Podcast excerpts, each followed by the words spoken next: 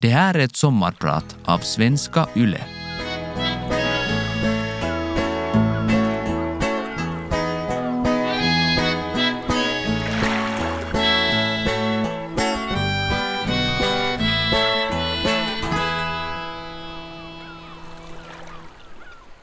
Nu kommer den. Is och eld samsas om att invadera min kropp. Det känns som att jag precis har fötts. Men jag är övergiven, utan mamma. Är det nu jag förintas? Jag kämpade med ett ångestsyndrom i 15 år, men jag blev slutligen fri från min kroniska oro och idag vill jag berätta för dig om hur jag fann lugnet. Jag heter Eva Kela och jag är din sommarpratare idag. Vi har haft många orsaker till att känna oro på senaste tid. Vår planet och faktiskt hela mänskligheten går ju genom en mycket omvälvande förändringsprocess som utsätter oss för svåra, svåra känslor.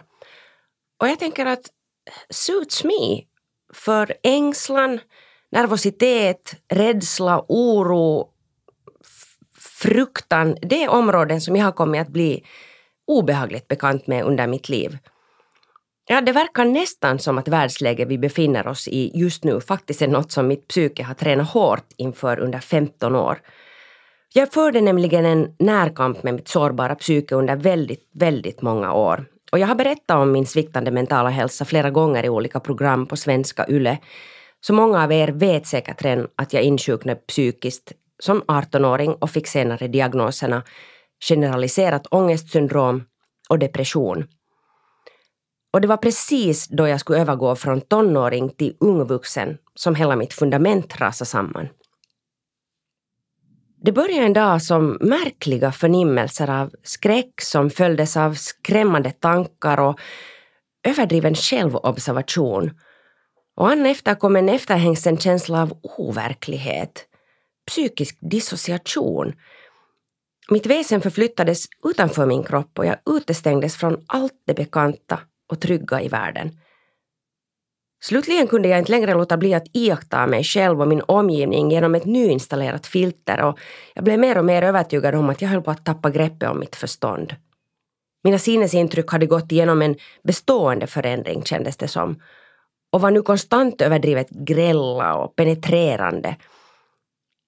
Jag drogs ner i ett ihållande svårmod och regredierade emotionellt till ett väldigt otryggt barn Tänk nu, extroverta och gladlynta jag förvandlades på jättekort tid till en räddhågsen och gråtmild figur som började undvika sociala situationer.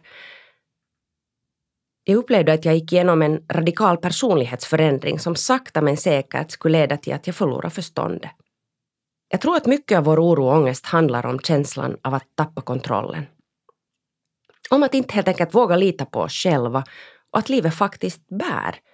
Då omgivningen bjuder på stora och skrämmande förändringar så är det ju helt logiskt att vi behöver känna att vi har ens lite makt över situationen. Och för att återfå känslan av kontroll så börjar vi ofta paradoxalt nog kontrollera vår förmåga till kontroll. Via självhjälpsböcker och allehanda litteratur och olika former av psykoterapi så luskar jag ju faktiskt fram, sakta men säkert, att tankar och känslor på något sätt lever i symbios. Så jag sökte mig till en logisk lösning på mina ångestproblem som dessutom verkar ganska vattentät och ändamålsenlig. Jag gick in för att ta kontrollen genom att helt enkelt byta ut mitt tankesystem och på så sätt komma åt mina känsloreaktioner. Så jag började tvångsmässigt ompröva mitt förnuft och ifrågasätta alla mina känslor. Vilka av mina tankar var fel? Vilka var bristfälliga, kunde jag möjligtvis diktera vad jag fick och inte fick tänka eller känna för att minska på de smärtsamma känslorna. Bäst att vara extra sträng och kategorisk, tänkte jag. Så jag så snabbt som möjligt skulle få bukt med den här skiten. Men det skulle ju senare visa sig att trots mina mycket goda intentioner så var jag inte kapabel att reboota mitt informationsflöde likt ett operativsystem. I princip är jag väl lite rätt på spåret med tanke på det vi vet idag om till exempel kognitiv beteendeterapi. Men min ihoptråcklade version av metoden kan nog lätt jämställas med psykisk tortyr. För jag granskar och jag observerar och jag stirrade mig tokig på mina tankar och jag förde till och med bok över varje sinnesrörelse och tanke jag kunde få fatt i och studerade likt en rättegångsdomare varje litet felsteg jag tog. Varför kunde jag inte sluta tänka på hur jag var ett obotligt psykfall? För det var jag väl inte? Men jag tänkte den tanken flera hundra gånger per dag. Varför malde mina tankar kring att jag var en bluff och att mitt liv hade tappat sin mening? För jag hade ju det bra. Inte hade väl jag rätt att ens tänka de här hemska tankarna. Jag blev med åren min egen tankepolis som alltid var i beredskap att straffa mig själv för fel tankar som ledde till fel känslor.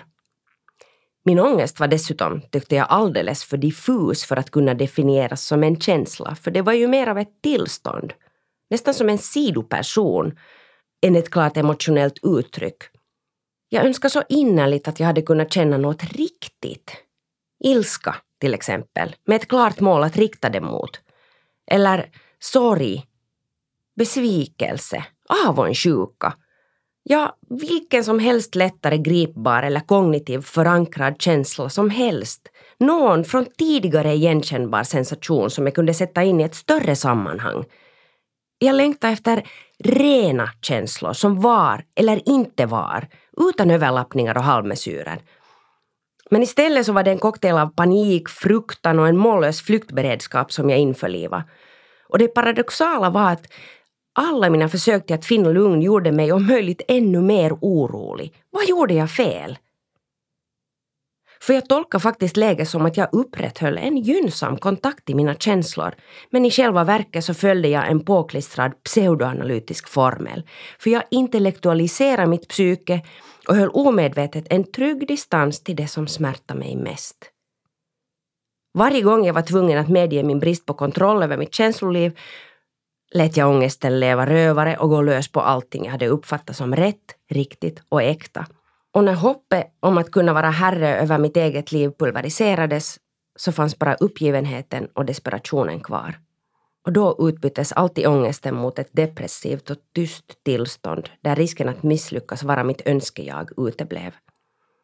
Och även om jag utåt sett för jättemånga framstod som en tjej som tog för sig och fick saker till stånd så kom jag i åratal att parallellt med den här tjejen leva enbart som ett splitter av beståndsdelar i en större helhet jag inte hade någon som helst känning av. Så vad jag egentligen vill säga nu är att låt känslorna och tankarna vara i fred. Eller nej, inte riktigt. Men lämna dem inte bara vind för våg utan kärleksfull uppsyn. För det är det de behöver. En lugn och ståndaktig motvikt som vet att ta dem för vad de är precis vad de är. Känslor är känslor. Tankar är tankar. Inget mer, inget mindre. De utgör inga sanningar och de behöver inte diktera ditt liv. De är varken fel eller rätt. De bara är och ska få finnas. De finns till för att ge dig en del av den information du behöver för att upprätthålla balansen och må bra. Men det finns också många andra, lite långsammare kanske, men mer solida källor att ty sig till. Istället för att försöka manipulera smärtsamma tankar och känslor så tycker jag att du ska lägga större energi på att bygga på din så kallade inre trygga förälder. Hon eller han som älskar dig villkorslöst och för evigt. Hon eller han med vilken du istället i lugn och ro på ett längre avstånd kan bli varse om dina tankar och känslor. Med intresse och nyfikenhet istället för med skräck och dömande blick. Rädda känslors och tankars absolut bästa bränsle är skuldbeläggning, förakt och avvisning.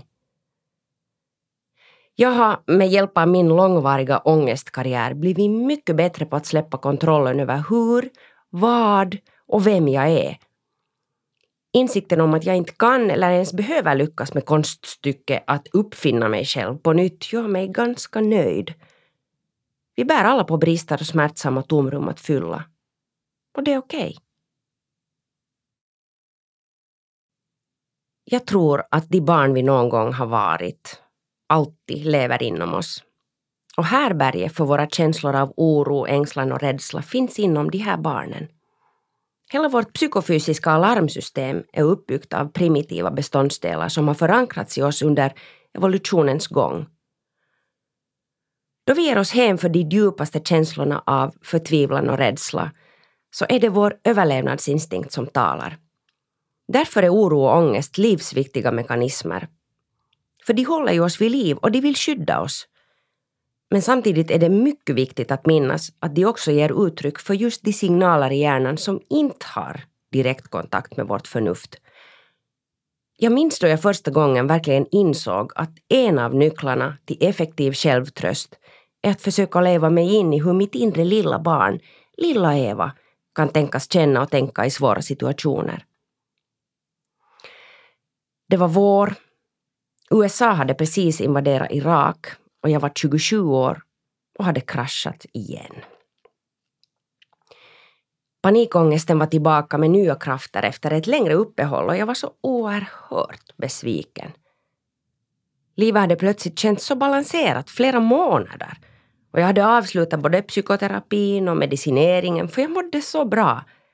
Jag hade till och med vågat förälska mig men nu var den där ständiga oron och ångesten där igen och jag kunde inte sluta ängslas över att inte vara tillräckligt älskvärd och att min förälskelse snart skulle tröttna då han insåg vilket psykvrak jag var och att jag egentligen inte var värd hans kärlek. Ångesten pockade aggressivt på och vägrade tystas ner och snarare såg den till att allt jag skämdes över i mig själv kom upp i öppen dagar som min pojkvän skulle förstå att överge mig innan jag lämnade honom på grund av självförakt och självbevarelsedrift. Min förtvivlan var stor och jag behövde snabbt hitta konkreta råd om hur jag skulle få ens lite lugn och ro. Jag hade några år innan köpt en självhjälpsbok som riktar sig till ångestpatienter. Den skilde sig ganska mycket från tidigare självhjälpsböcker jag hade läst för det här var en arbetsbok med sådana mentala uppgifter och övningsbeskrivningar. Lite som en skolbok. Den heter The Anxiety and Phobia Workbook alltså på svenska ungefär arbetsbok för de som lider av ångest och fobier. Och den är skriven av amerikanska psykologen och ångestforskaren Edmund J. Byrne. Jag hade ju nog ytligt bekantat mig med boken men jag hade aldrig ännu riktigt orkat dra igång processen med att systematiskt jobba mig igenom alla de här uppgifterna men nu hade jag faktiskt nått punkten då jag inte hade några andra val. Så jag bläddrade på där med darrande händer och kom på måfå fram till ett kapitel som behandlar barndomen och barns sårbarhet överhuvudtaget. Och en av uppgifterna gick ut på att jag skulle måla upp en inre bild om hur jag, vuxna Eva, på något sätt tog hand och hade ansvar över mitt inre barn, lilla Eva, som var i nöd. Så jag slöt ögonen och såg genast mig själv stå på en klippig ö. Vid stranden låg en roddbåt och bredvid den med ena handen på årklykan stod ett litet barn. Jag gick fram till henne och såg att hon grät. Hon skämdes. Jag kramade om henne och lyfte upp henne i båten. Hon satte sig till rätta och jag lindade in henne i en rutig pläd. Sen sköt jag ut ekan, greppade årorna och rodde ut på havet. Och att se den här scenen framför mig lugnade mig konstigt nog och efter den dagen så återkommer jag ofta till min och lilla Evas roddtur då jag behöver tröst. Jag är så fascinerad av min kropp. Hur väl den på olika sätt faktiskt visar mig mitt rådande resurstillstånd och hur jag med åren blivit så duktig på att avläsa den.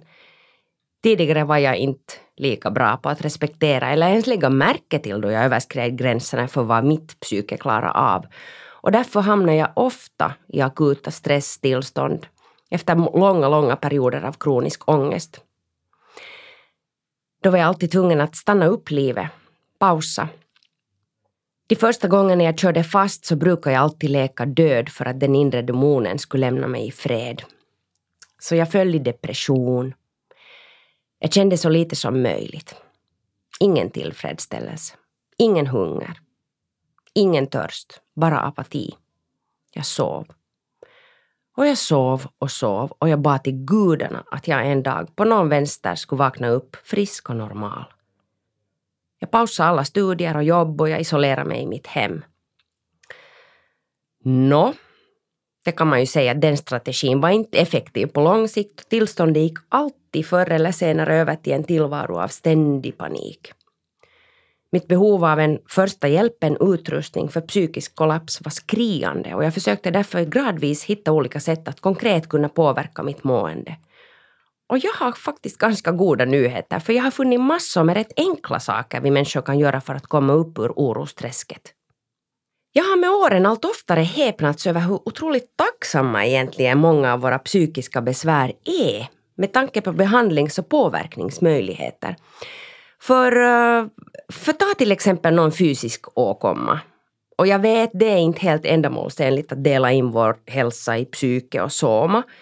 Men om vi nu ändå låter oss ta den här bildiga jämförelsen och säga att du har klättrat upp på ett högt berg och sen slinta och rasa ner för det. Och efter att du har landat så visar det sig att du har brutit båda benen och att ryggen har skadats svårt. Benen gipsas och de kommer att läka över tid men risken för förlamning på grund av ryggskadan är överhängande. Så att man får bara vänta och se. Och det enda du som patient egentligen kan göra är att ligga i sängen på sjukhuset och ta de mediciner som läkarna ger dig. Nå, låt oss nu övergå till dig som utmattad kraschat efter ett mentalt maratonlopp. Vad kan du göra för att må ens lite bättre? Vårt psykiska välbefinnande sitter, tror jag, i något som jag uppfattar som vårt kärnjag.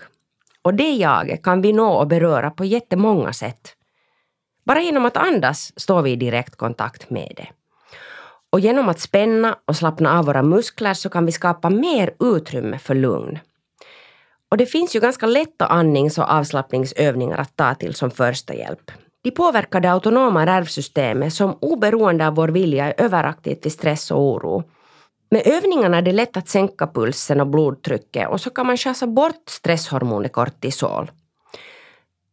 Ett annat sätt är att medvetet höja pulsen och jumpa så att man blir andfådd och på det sättet påverka organismens stressnivåer. Då man är övertrött men för uppe i varv för att slappna av så kan det vara jätteeffektivt att trötta ut sin kropp med motion.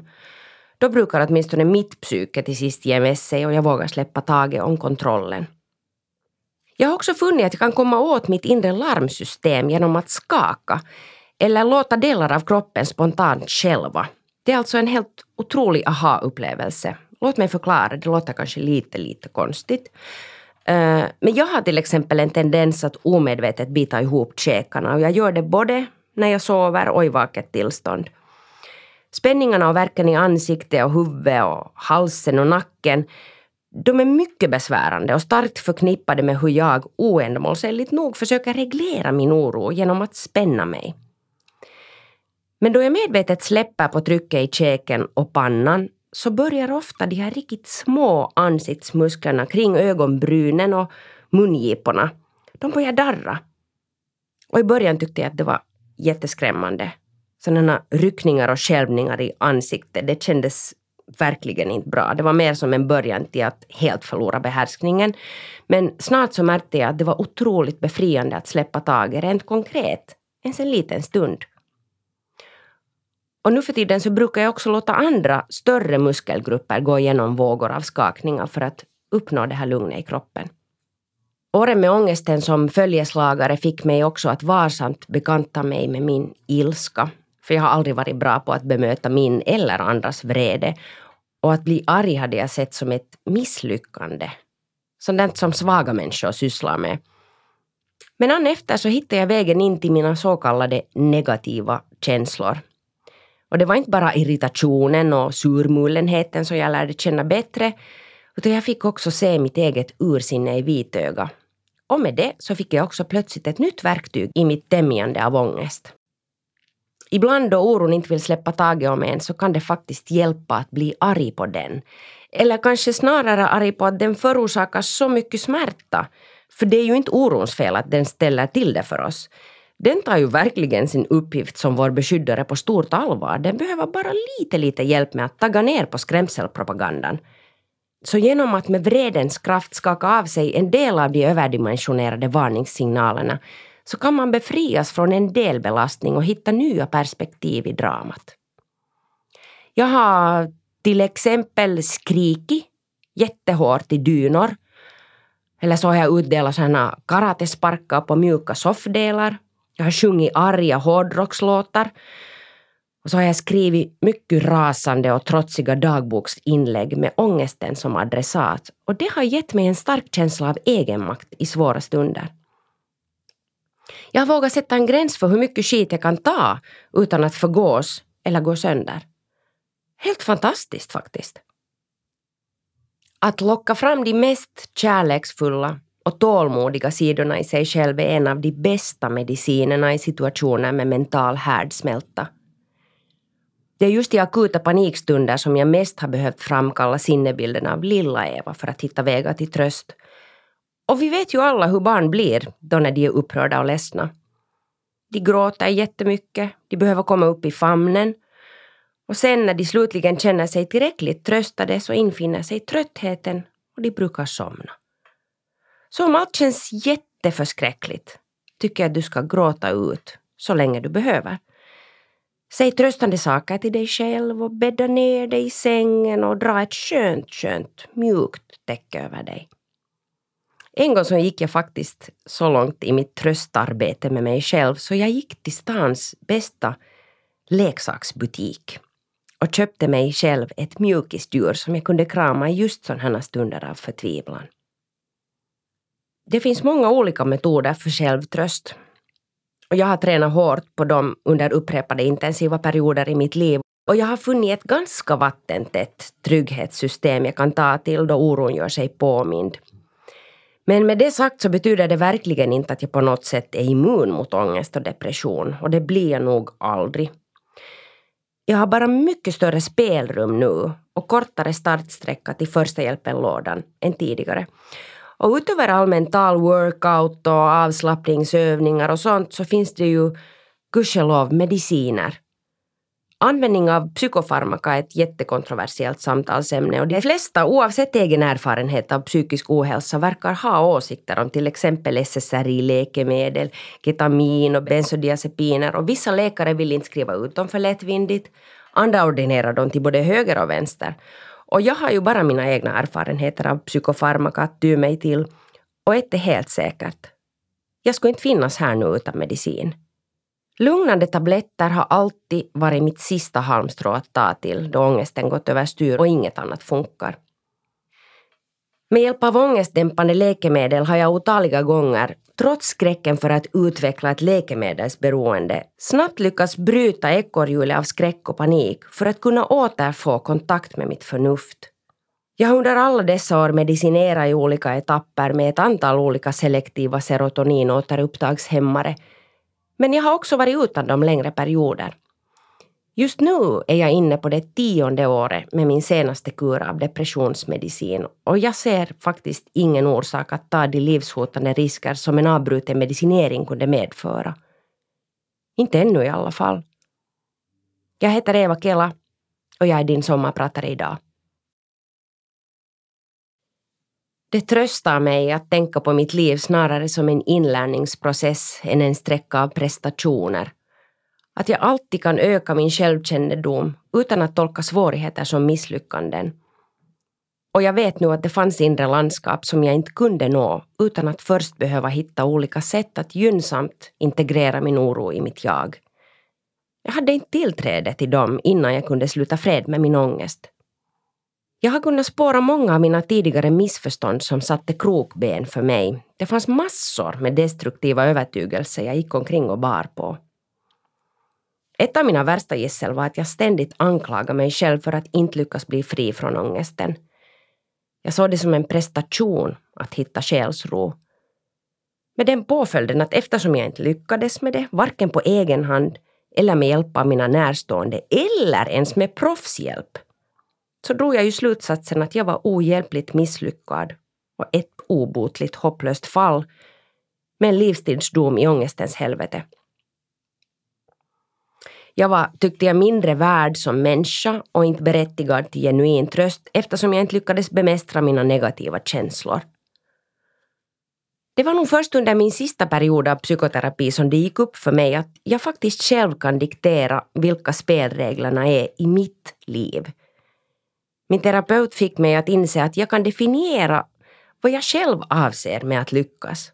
Att det är jag som bestämmer så att om jag under så många år har försatt mig i en verklighet i vilken jag aldrig verkar kunna lyckas med att uppnå mina mål, så då kunde jag istället skapa en ny plattform att stå på. En med mindre obarmhärtighet och mer flexibilitet. Jag kunde sänka kraven och ge mig nya omständigheter med fler chanser att lyckas. För jag menar, om det är att lyckas, att jag till exempel har försökt ta hand om mig själv och jag har klarat av att ens för en liten stund slappna av och glömma bort mig själv och tänka på annat än hur jag borde tänka och känna. Då kunde jag ju kanske öka mängden och frekvensen på små framsteg och kanske rent av känna att jag lyckas flera gånger per dag. Det låter väl bra? En annan felaktig uppfattning jag hade var att känslor som gör ont, de är mer sanna än känslor som är neutrala eller tillfredsställande. Att sånt som skaver ger uttryck för mitt sanna jag och det, det var ett ruttet jag. Jag upplevde att mina smärtsamma känslor förstörde mina relationer med alla människor jag vågade släppa nära inpå. För ångestens fula tryne tryckte sig alltid förr eller senare fram. Och jag misstänkte ärligt talat faktiskt att min ångest också kunde göra andra lika illa som den gjorde mig. Så det var bäst att skydda dem från mig. Jag tänkte att jag på något sätt förädlas som jag ältar och att jag ger det sjuka mycket uppmärksamhet, att jag kan befrias med hjälp av skuld och skamkänslor, att bestraffning är förlösande och att det ger resultat. Suck, säger jag. För du hör, det, det, är, ju, det är ju klart att om det här var min utgångspunkt, då hade jag nog väldigt få möjligheter att känna mig tillfreds och uppnå lugn i mig själv. Det missförstånd som kanske låste mig mest var min övertygelse om att jag ständigt förde en oövervinnelig kamp mot tiden. För jag var mycket påläst. Jag slukade all sorts litteratur om psykiatriska störningar och mentalvård och jag visste att ju längre tid depression och ångestpatienter visar symptom, desto mer bestående blir besvären. Sannolikheten att tillfriskna minskar över tid och risken för en mer kronisk problematik ökar.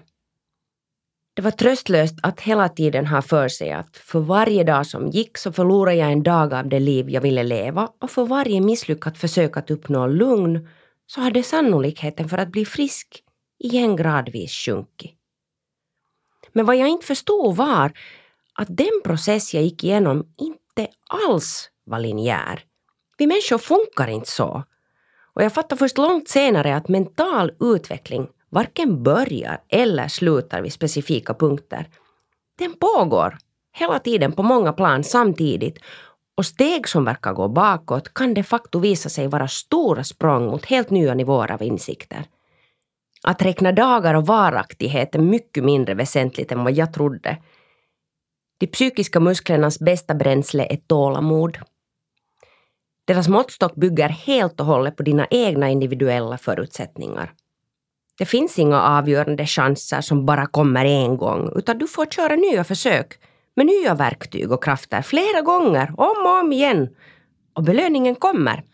Den kommer an efter, i flera etapper och det finns inte någonting sånt som ett perfekt slutresultat, för vi är fullkomligt ofullkomliga och ständigt föränderliga. Det är aldrig för sent att pröva en gång till och rum för hopp finns alltid. Förr var jag rädd för mitt jag. För mig själv. För allt vad mina farliga känslor kunde ställa till med. Jag var rädd för att jag var så paradoxal, så både och, så mångfacetterad och jag hatade att vara instabil och ombytlig. Jag ville vara lugn och solid.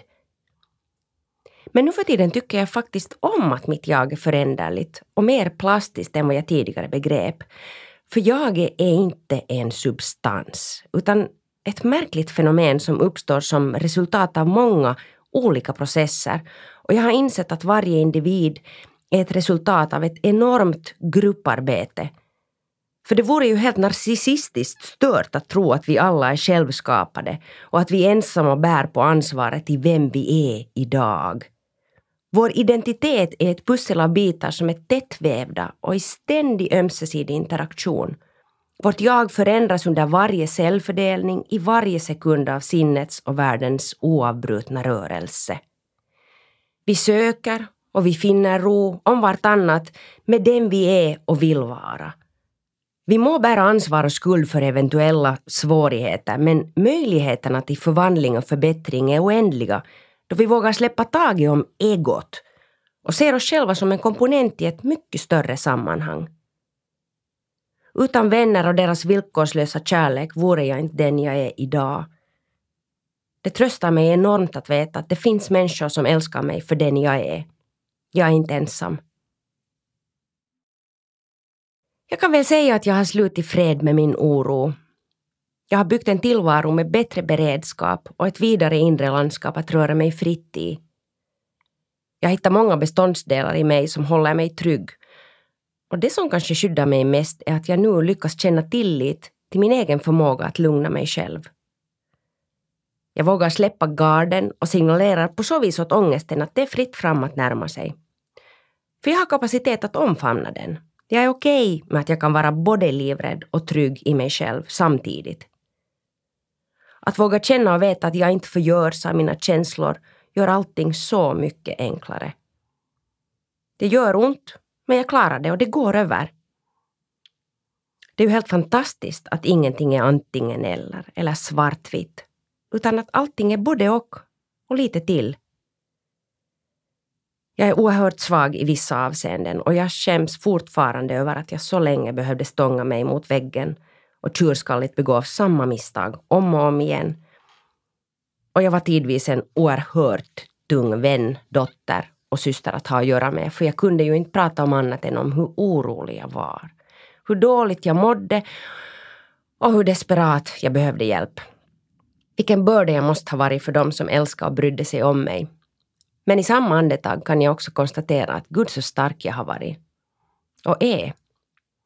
För det är den där samma Eva som trots sin bräcklighet höll mig flytande och såg till att jag slutligen allt oftare fick längre pauser från ångesten för att slutligen hitta fram till det rätt lugna liv jag lever idag. Det är ju samma egenskaper i mig som jag tidigare svartvitt tolkade som svagheter som också såg till att jag inte gav upp då jag föll utan alltid, alltid var redo att kravla mig upp igen för att ta nya tag. Paradoxalt nog så gör livets skörhet mig snarare rofylld nu för tiden. Varje gång jag i detta jag som jag befinner mig i nu känner att jag ligger på gränsen till något som kan brista blir jag mer nyfiken än skrämd. Det är något med de erfarenheter jag haft av psykisk förintelse som gör att jag begriper vidden av mitt och livets förgänglighet och jag ser dialogen med det svarta inombords som en återkommande meningsfull utmaning. Men min respekt och fruktan för det sabotage ångesten kan få till stånd försvinner antagligen aldrig. Processen fortlöper livet ut, men inte mig emot. Jag heter Eva Kela och jag har varit din sommarpratare idag.